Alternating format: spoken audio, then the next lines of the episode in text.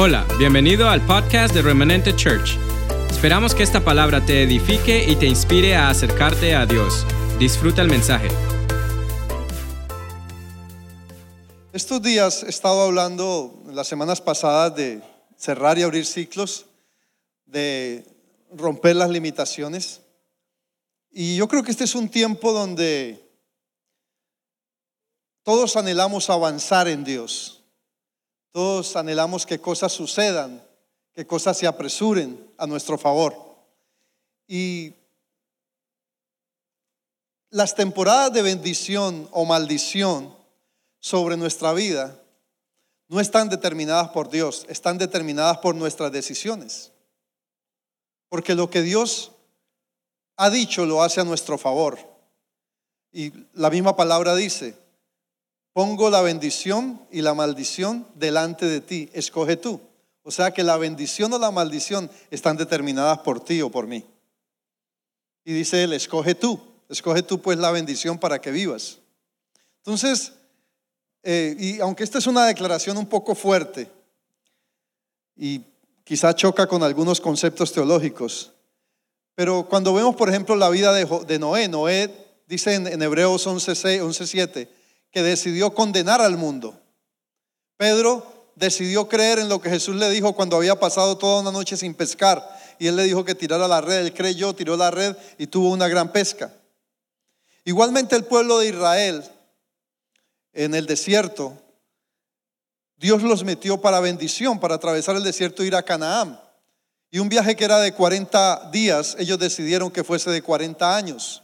Entonces la bendición o la maldición Depende de nosotros.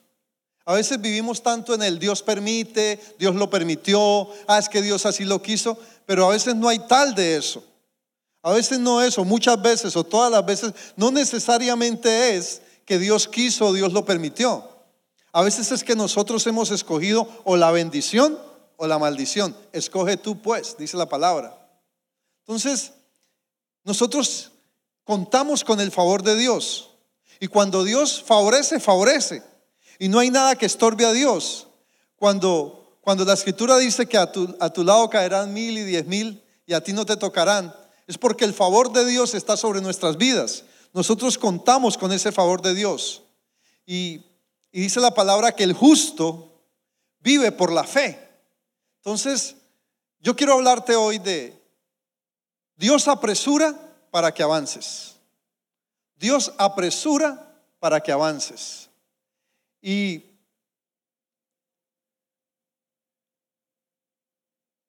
el favor de Dios en nuestra vida está determinado por la capacidad de creerla y obedecerla y de caminar en él. Entonces, hoy voy a hablar de esto, de que Dios apresura, ¿para qué? Para avanzar. Y Dios está interesado en apresurar porque la palabra lo dice. De hecho, la palabra que Dios nos dio para el ayuno del sábado y domingo fue, está en, Jeremías capítulo 1, versículo 11 y 12. Vamos a leerlo. Abra su Biblia.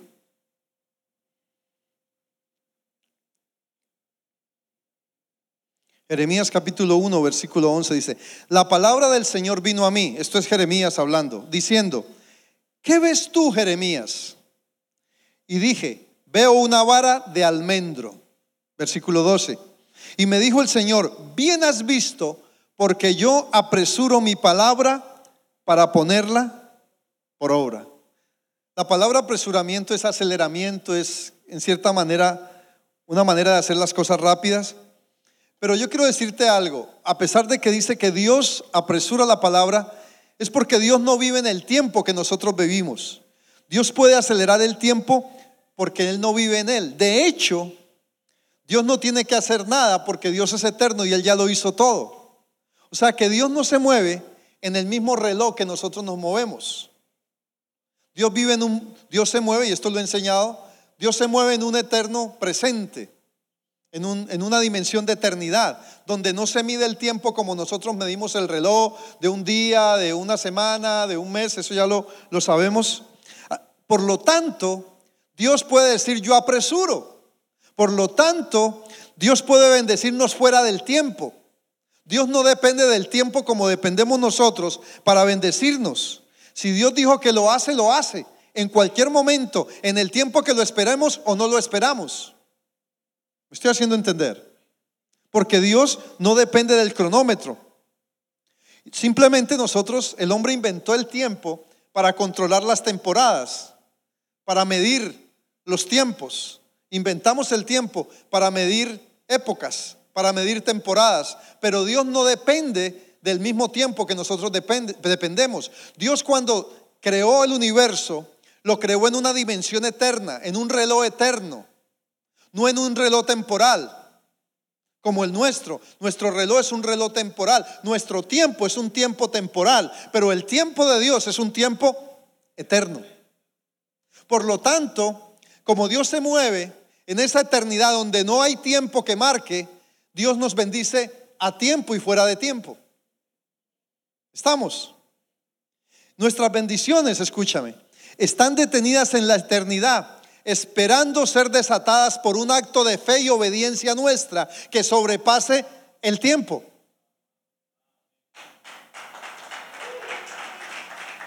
¿Por qué? Porque otra vez, nuestra bendición es tu bendición, mi bendición, está suspendida muchas veces en, el, en la eternidad, esperando que tú y yo decidamos obedecer y creer para que esa bendición sea liberada de lo sobrenatural a lo natural. Amén. Por esa razón, lo que para algunos podría tomar dos años, para una persona podría tomar un mes o un día. Para Dios, por eso dice, para Dios es lo mismo un día que mil años. Eso, eso respalda eso que te estoy diciendo. Así que nosotros necesitamos aprender a caminar, a vivir en el hoy, en el ahora de Dios. Porque es diferente a nuestro hoy y nuestro ahora. El tiempo, en cierta forma, es, es algo que fue creado para medir el proceso o, o la duración del proceso, pero no necesariamente para determinarlo. Y uno oye gente, y esto lo he dicho muchas veces, que dice, el tiempo lo dirá. Ya les he dicho, el tiempo no habla. Hace tic-tac, tic-tac, tic-tac. Es todo lo que dice. No, el tiempo sanará. Tampoco sana. El tiempo no es médico. Entonces no es un tema de tiempo. Es un tema de que nosotros aprendamos a conocer y adaptarnos a la dimensión eterna en que Dios se mueve a nuestro favor. Sí, vamos a vivir por un reloj porque tenemos un horario para comer, un horario para levantarnos, un horario para trabajar, un horario para dormir, un, horario para todo. Vamos a vivir en lo natural, pero dependiendo de una dimensión sobrenatural, o sea, de una dimensión eterna. Y esto no, no tiene que ver con misticismo, no me vaya a malentender. No es que ahora usted diga, uy, vivo en lo eterno. No, no es eso. No es que usted se salga de esta dimensión natural, de esta esfera natural y se monte por allá en una nube a vivir en lo eterno. No, no es eso. Es que usted reconozca que primero, como hijo de Dios, su naturaleza es eterna. Y estamos conectados a la eternidad de Dios por causa de que Cristo vino a morar en nosotros y que el Espíritu Santo nos dio la naturaleza eterna de Dios, dice segunda de Pedro 1:4 que fuimos partícipes de la naturaleza divina de Dios. Y eso nos da la capacidad y el derecho legal de poder estar conectados con la eternidad de Dios, o sea, con el tiempo eterno de Dios, lo que nos permite estar conectados con la bendición, con el propósito y con la voluntad de Dios aquí en la tierra. Hágase en la tierra como en el cielo. Así que, ¿cómo, cómo entonces yo acelero esos tiempos de Dios? Cuando miramos esta palabra de, de Jeremías capítulo 1, versículo 11 y 12, hay algo curioso aquí, algo interesante. Dios le dice a Jeremías, ¿qué tienes en la mano? Él le dice, ¿qué? Un almendro. Jeremías estaba perdido de qué Dios le quería decir. Porque después, en el versículo 3, 12, Dios le dice, yo apresuro mi palabra. Pero hay una conexión aquí, aunque nada tiene que ver, supuestamente, un almendro con apresurar. cuando vamos a la revelación de Dios, cuando vamos al propósito de Dios y cuando vamos al pensamiento de Dios, sí hay una relación. ¿Por qué? En el original, en el hebreo, la palabra almendro es la palabra charek o chaquet. Y, y la palabra apresurar tiene el mismo verbo, pero es con otra A, charak o chacat. Chaquet y chacat. Tienen la misma raíz y las dos representan o significan tener cuidado de, vigilar que.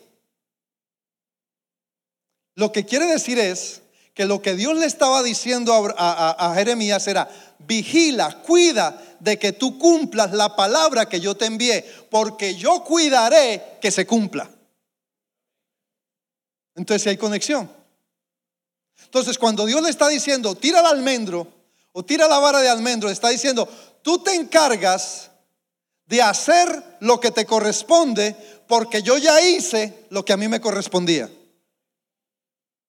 Por eso es que la bendición de Dios no es futura ni es presente. Adivine dónde está la bendición de Dios. En el pasado. Te lo voy a explicar. ¿Por qué? Porque Dios ya lo hizo. Pero más que en el pasado, la bendición de Dios está en el principio. Porque dice que en el principio Él hizo qué? Todas las cosas. ¿Me estoy haciendo entender? No en el pasado, en el principio Dios hizo qué? Todas las cosas. Entonces, si Dios hizo todas las cosas en el principio, de una manera, el principio para nosotros es el pasado, cuando hablamos de tiempo. Entonces yo tengo que traer mi bendición de allá para que se manifieste en lo presente. ¿De qué manera? Tirando el almendro. ¿Cuál es el almendro? En este caso, chaquet. Que yo tenga cuidado en acción de obediencia y de fe de cumplir aquello que Dios demanda de mí para que se libere lo que Él ya cumplió a mi favor. Entonces, entienda esto que le voy a decir.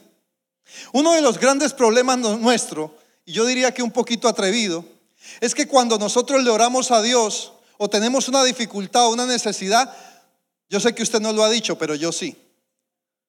Decimos, bueno Señor, yo ya hice lo que me correspondía, ahora tú te toca cumplir. Error. Porque resulta que ahora usted cumplió y Dios no ha cumplido, pues. o sea, ahora Dios es el faltón. No, cuando yo vengo a Dios, yo debo venir con la certeza, con la convicción de que lo que yo le voy a pedir a Dios conforme a su palabra y a su voluntad ya fue hecho para mí y a mi favor. Chaquet, denle ese aplauso al Señor.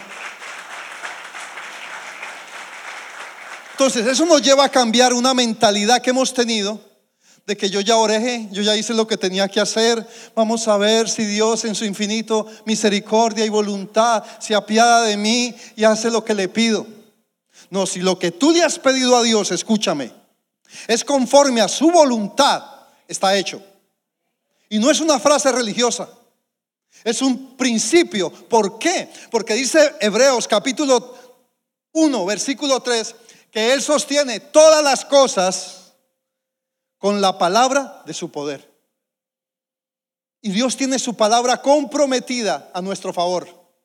Dice que como no hubo por quien jurar, juró por él mismo.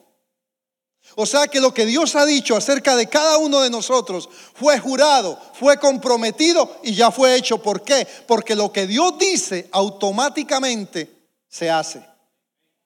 Hágase la luz y la luz no esperó ocho días, se hizo hágase las estrellas, hágase los mares y se hicieron. Entonces lo que Dios dice se hace. Entonces quiere decir que mi bendición ya fue hecha. ¿Y entonces dónde está? Está suspendida en la eternidad de Dios, esperando que en un acto de fe y obediencia tú y yo actuemos para que esa bendición sea liberada sobre mi vida y sea manifiesta aquí en lo natural. Entonces ahí es cuando Dios, cuando Dios dice yo apresuro, está diciendo yo tengo sumo cuidado, yo he vigilado muy bien que lo que yo dije acerca de ti ya fue hecho. Pero cuida tú, ni siquiera Dios cuida. Cuida tú de obedecer y de creer. Ese es el almendro. Chaquet. Entonces, para que esto funcione, mire hermanos, el Evangelio se ha complicado demasiado porque nos hemos metido en demasiada cosa, porque nos hemos dejado distraer demasiado, porque hemos estado buscando demasiadas experiencias. Pero a la final del día, lo que yo veo es que Dios siempre nos vuelve a la palabra. Dios siempre te va a volver a la palabra, porque el comienzo de todas las cosas fue, en el principio era qué? Dios. Y el verbo era con Dios. O sea, la palabra fue desde el principio. Entonces, Dios siempre, dentro de ese almendro que tiramos, que es cuidar, que es tener cuidado de, que es vigilar, es que nosotros caminemos en una plenitud de obediencia y de fe para que todas aquellas cosas que el Evangelio contiene obren a nuestro favor. Pero ¿sabe qué pasa? Hemos creado una cultura de desobediencia y nos hemos dedicado a una cultura de experiencias. ¿Por qué? Porque sí buscamos a Dios, pero lo buscamos con una necesidad. Sí adoramos a Dios, pero lo hacemos cantando los domingos. Pero usted sabe cuál es la mejor adoración? La obediencia. Porque obediencia quiero y no sacrificio. Por lo tanto, esta plenitud, esta dimensión de caminar en lo que Dios ya dijo, es que tu obediencia madure que tu fe madure. ¿Por qué? Porque van de la mano. La, fe y la obediencia son como la gasolina y el aceite que le dan chispa al motor. Se mezclan para que el motor funcione. La fe y la obediencia se mezclan para que todo aquello que Dios ha dicho a nuestro favor sea liberado, sea hecho, se cumpla y no haya quien lo detenga y puedas avanzar. Amén. Entonces hay principios que cumplir. Simple. Nosotros a veces esperamos que las cosas se compliquen para obedecer, pero la Biblia es un libro que nos permite anticiparnos, obedecer para que no suceda. Nosotros esperamos que suceda para obedecer. En eso se ha convertido el Evangelio hoy por hoy. Esperamos que se complique la vuelta para entonces obedecer. No, el Evangelio es obedecer para que no suceda o si suceda. Entonces eso se llama medicina preventiva. Yo tengo que anticiparme obedeciendo la palabra. Entonces la palabra, por ejemplo, me dice, mírelo de esta manera. Honra a tu padre y a tu madre. ¿Y qué, cuál es la promesa? ¿Qué? Largura de días. Entonces yo me ponía a pensar, y esto es simple, cuando yo tenía unos veintitantos de años, no hace mucho, yo tenía muy mala relación con mi mamá. Y yo veía que no había cómo la cosa funcionara. Pero un día yo tomé la decisión de obedecer esa palabra y decir, yo voy a honrar a mi mamá no importa qué. No importa si ella, no me entiendo con ella, pero yo decidí honrar a mi mamá. ¿Por qué? Porque eso me daba qué? Largura de días. Y largura de días tiene que ver con bendición, tiene que ver con propósito y tiene que ver con edad también. Tiene que ver con salud tiene que ver con bendición, tiene que ver con promesa. Entonces, hay unas promesas, hay unos principios que cumplir para que lo que Dios ha dicho acerca de nosotros sea liberado. Entonces, ese vigilar, ese vigilar tiene que ver, ese, almendro tiene que ver con que yo tenga cuidado de lo que a mí me corresponde, porque Dios ya tuvo cuidado de lo que a Él le corresponde. Lo que quiere decir que la próxima vez que tú tengas una necesidad y vengas delante de Dios, primero asegúrate que estás dispuesto a creer y a obedecer, porque en cuanto a lo que Dios le corresponde, Él ya cumplió.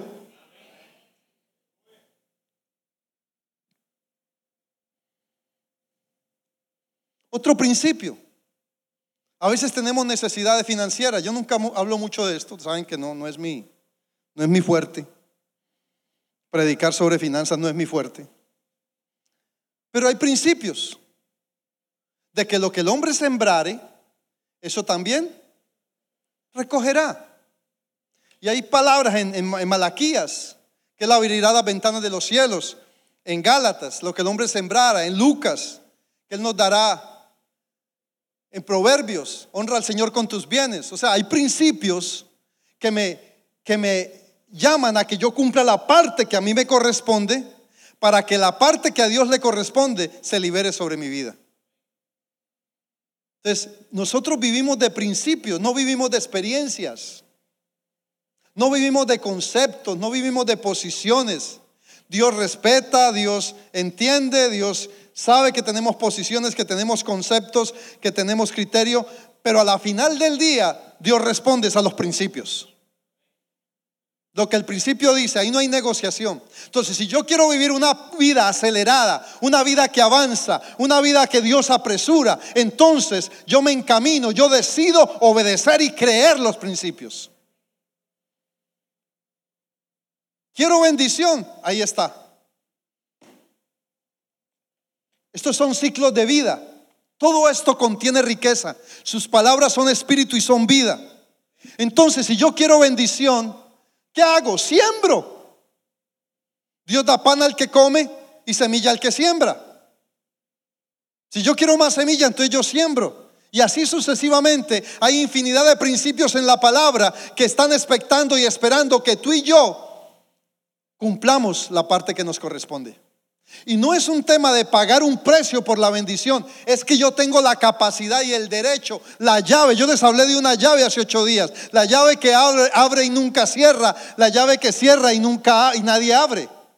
Y esa llave, que es la palabra misma, es la que va a abrir aquello que tú necesitas que sea abierto a través de que de la obediencia y de la fe.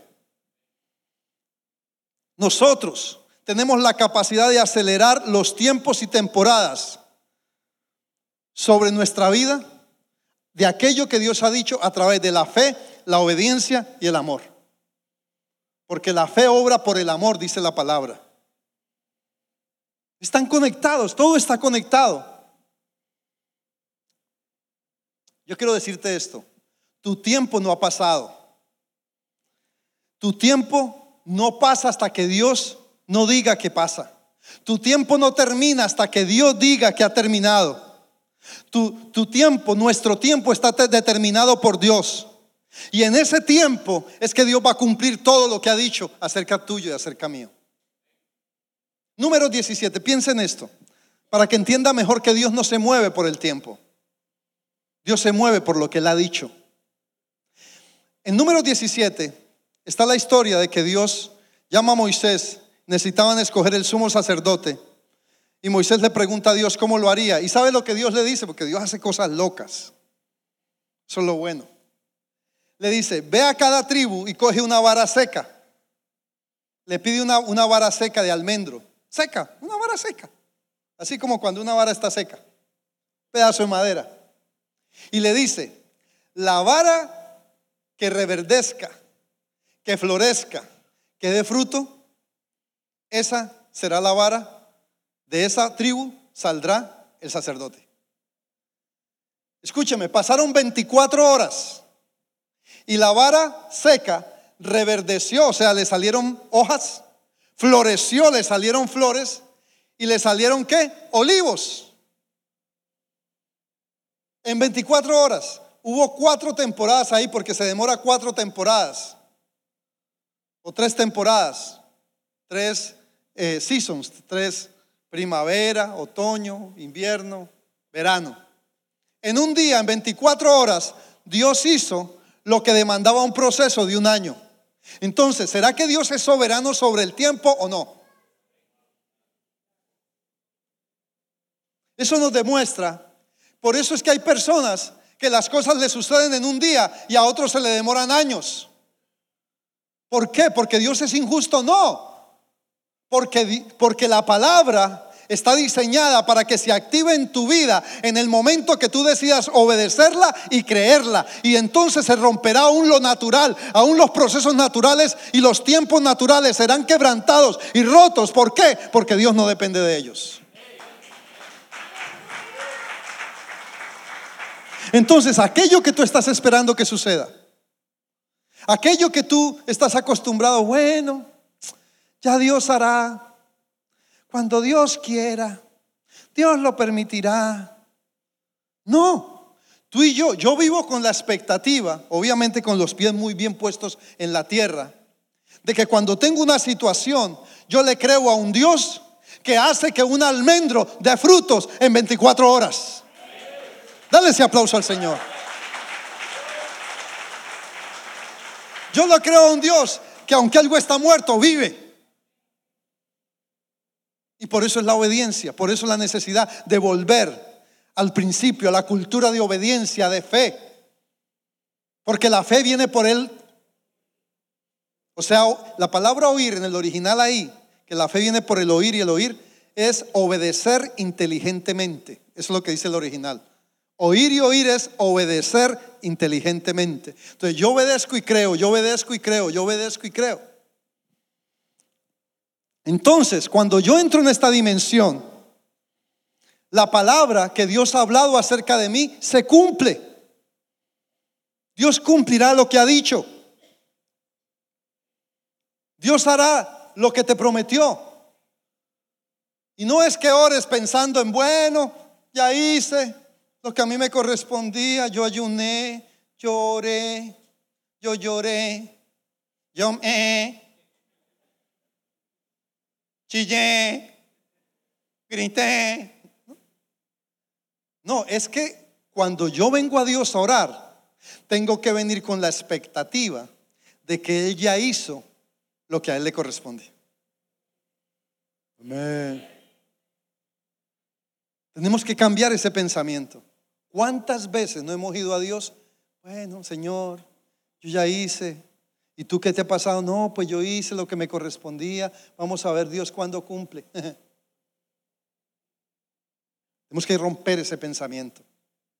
Porque Dios no es hombre para que mienta, ni hijo de hombre para que se arrepienta. Él dijo y lo hará. O sea, está garantizada esta palabra. Ahora, ¿qué debo tener en cuenta? Ya aquí voy a ir rapidito. Para avanzar, vamos al grano. Si, si Dios apresura para avanzar, si Dios tiene cuidado de su palabra, porque eso es lo que quiere decir apresurar, Dios tiene cuidado del cumplimiento de lo que ha dicho, entonces, ¿qué tengo que hacer para avanzar? Vamos a tener en cuenta algunas cosas. Primero, tú fuiste llamado a influenciar tu entorno y no que tu entorno te influencie. O sea, nosotros no hemos sido llamados a depender de las circunstancias, nosotros hemos sido llamados a afectar las circunstancias. Debemos tener ese pensamiento. En segundo lugar, la esencia de mi avanzar no está en la técnica, sino en la actitud. No está en el ejercicio religioso. La esencia de que yo avance, de que esa palabra sea apresurada, está en mi actitud, en mi actitud de obedecer y de creer.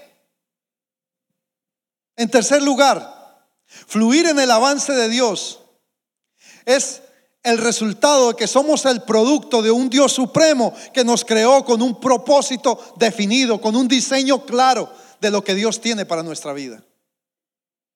En cuarto lugar, nosotros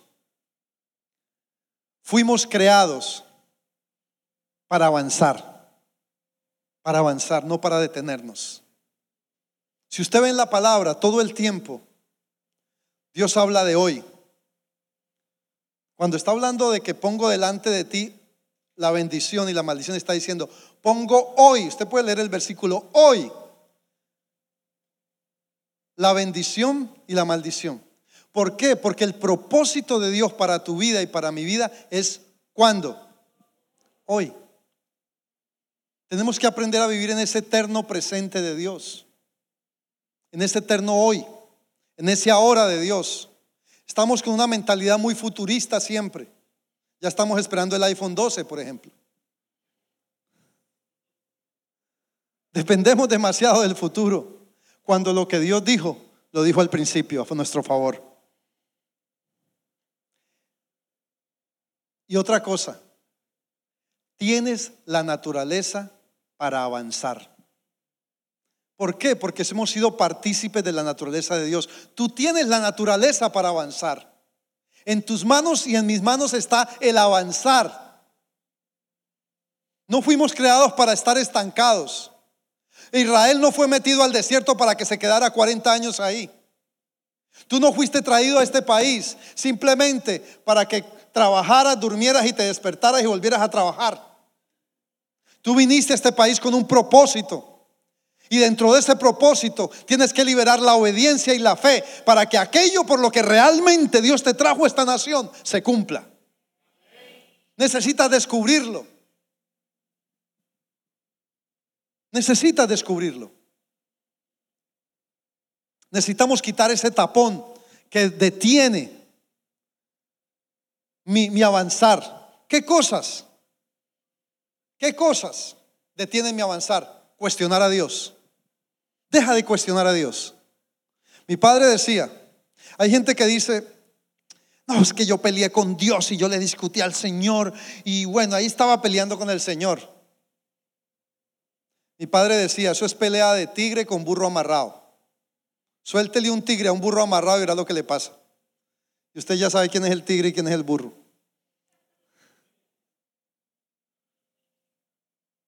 ¿Por qué? Porque yo no cuestiono a Dios, yo no cuestiono lo que Dios me ha mandado a hacer. ¿Lo hago o no lo hago? Punto. En segundo lugar, debemos de ser opinólogos. Opinamos demasiado lo que Dios nos demanda. Cuestionamos demasiado. Tenemos idea todo el tiempo, una posición, un criterio, un concepto. No, las cosas de Dios no son para opinarlas, son para obedecerlas.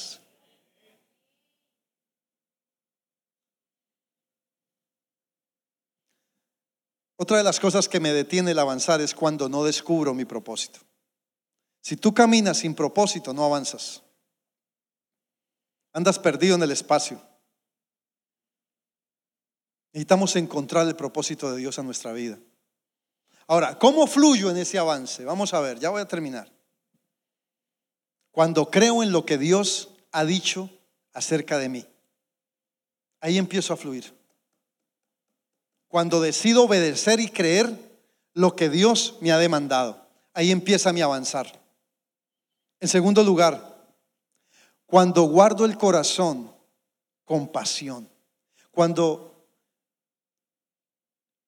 retomo la pasión, mantengo la pasión por vivir esto delante de Dios. Ayer yo le decía a alguien, le decía, yo veo en ti potencial, yo veo mucha capacidad, mucha habilidad, tienes el don, eres una persona muy capaz, pero no te veo pasión. Y la pasión es una decisión. Necesitamos apasionarnos por este Evangelio. Vivimos apasionados por tantas cosas, pero necesitamos apasionarnos por Dios. De tal manera que realmente Él sea mi atractivo diario, Él sea mi foco. Y no te estoy hablando de religión, estoy hablando de pasión. Tú sabes cuando tienes pasión por algo. Hay gente que tiene pasión por, por los carros, por el fútbol, por el PlayStation. Mm, de esos hay bastantes.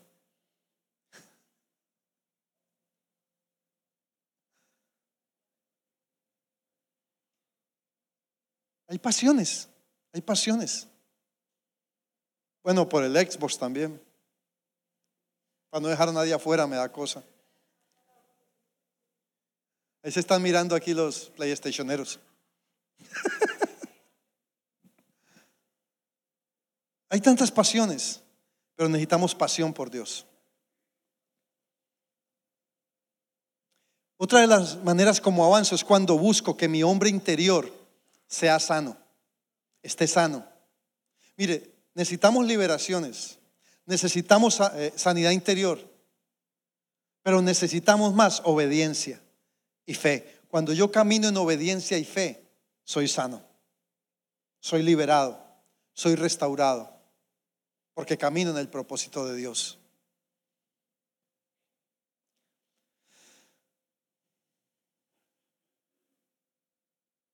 Otra de las maneras como avanzo es cuando dejo de posponer y más bien que apresuro. Estamos posponiendo demasiado. No después, cuando esté listo. Bueno, yo estoy esperando un tiempo. No, yo sí quiero hacer eso, Dios me lo ha mandado, pero yo estoy... ¿Cómo yo me puedo dar el lujo de, de hacer esperar a Dios? Dígame, explíqueme. Dígame, pero explíqueme. ¿Cómo nos podemos dar el lujo de hacer esperar a Dios? Y yo oigo mucho eso. No, yo estoy esperando en el Señor. Yo sí le he dicho al Señor que me espere, que en su tiempo, en su tiempo. Usted nunca ha dicho esa frase, ¿cierto? en su tiempo el Señor lo hará. No, el Señor ya lo hizo. Déjeme decirle, el Señor ya lo hizo y está esperando por usted.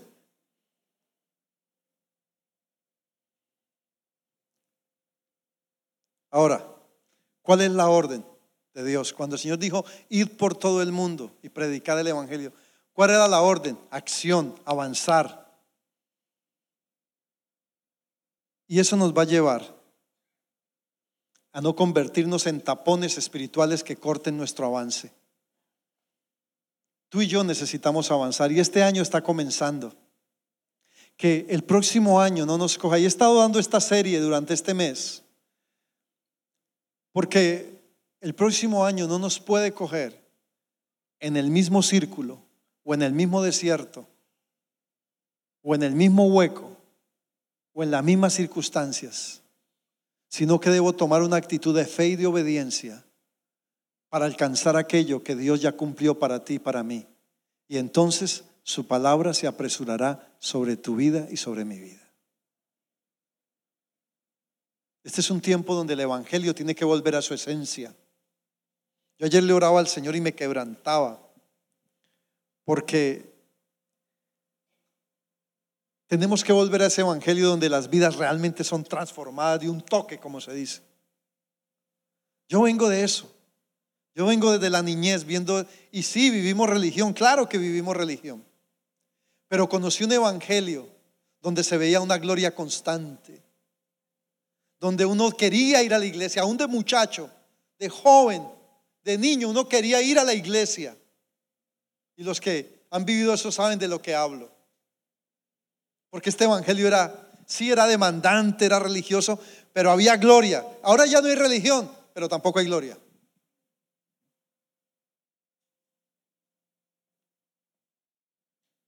Es duro. Pero necesitamos volver a ese evangelio de la gloria. Ese evangelio, escúcheme lo que le voy a decir, esto va a ser duro, donde somos testimonio.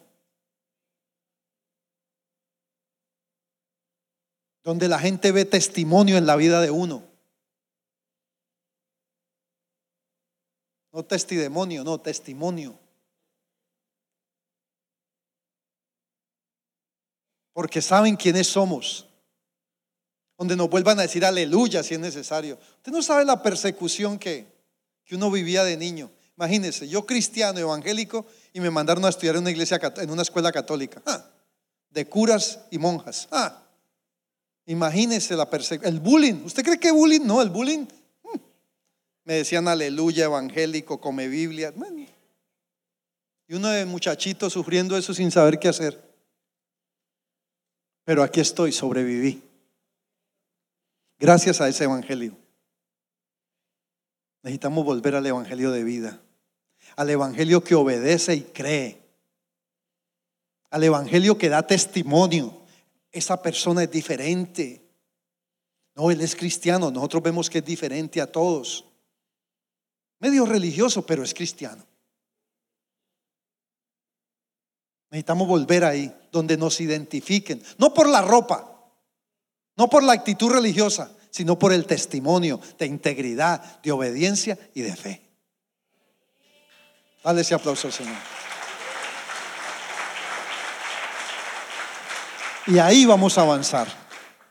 Ahí Dios apresura para que avancemos. Ponte de pies. Esperamos que este mensaje haya sido de bendición. No te olvides de suscribirte a nuestro podcast y seguirnos en Facebook e Instagram arroba remanente church.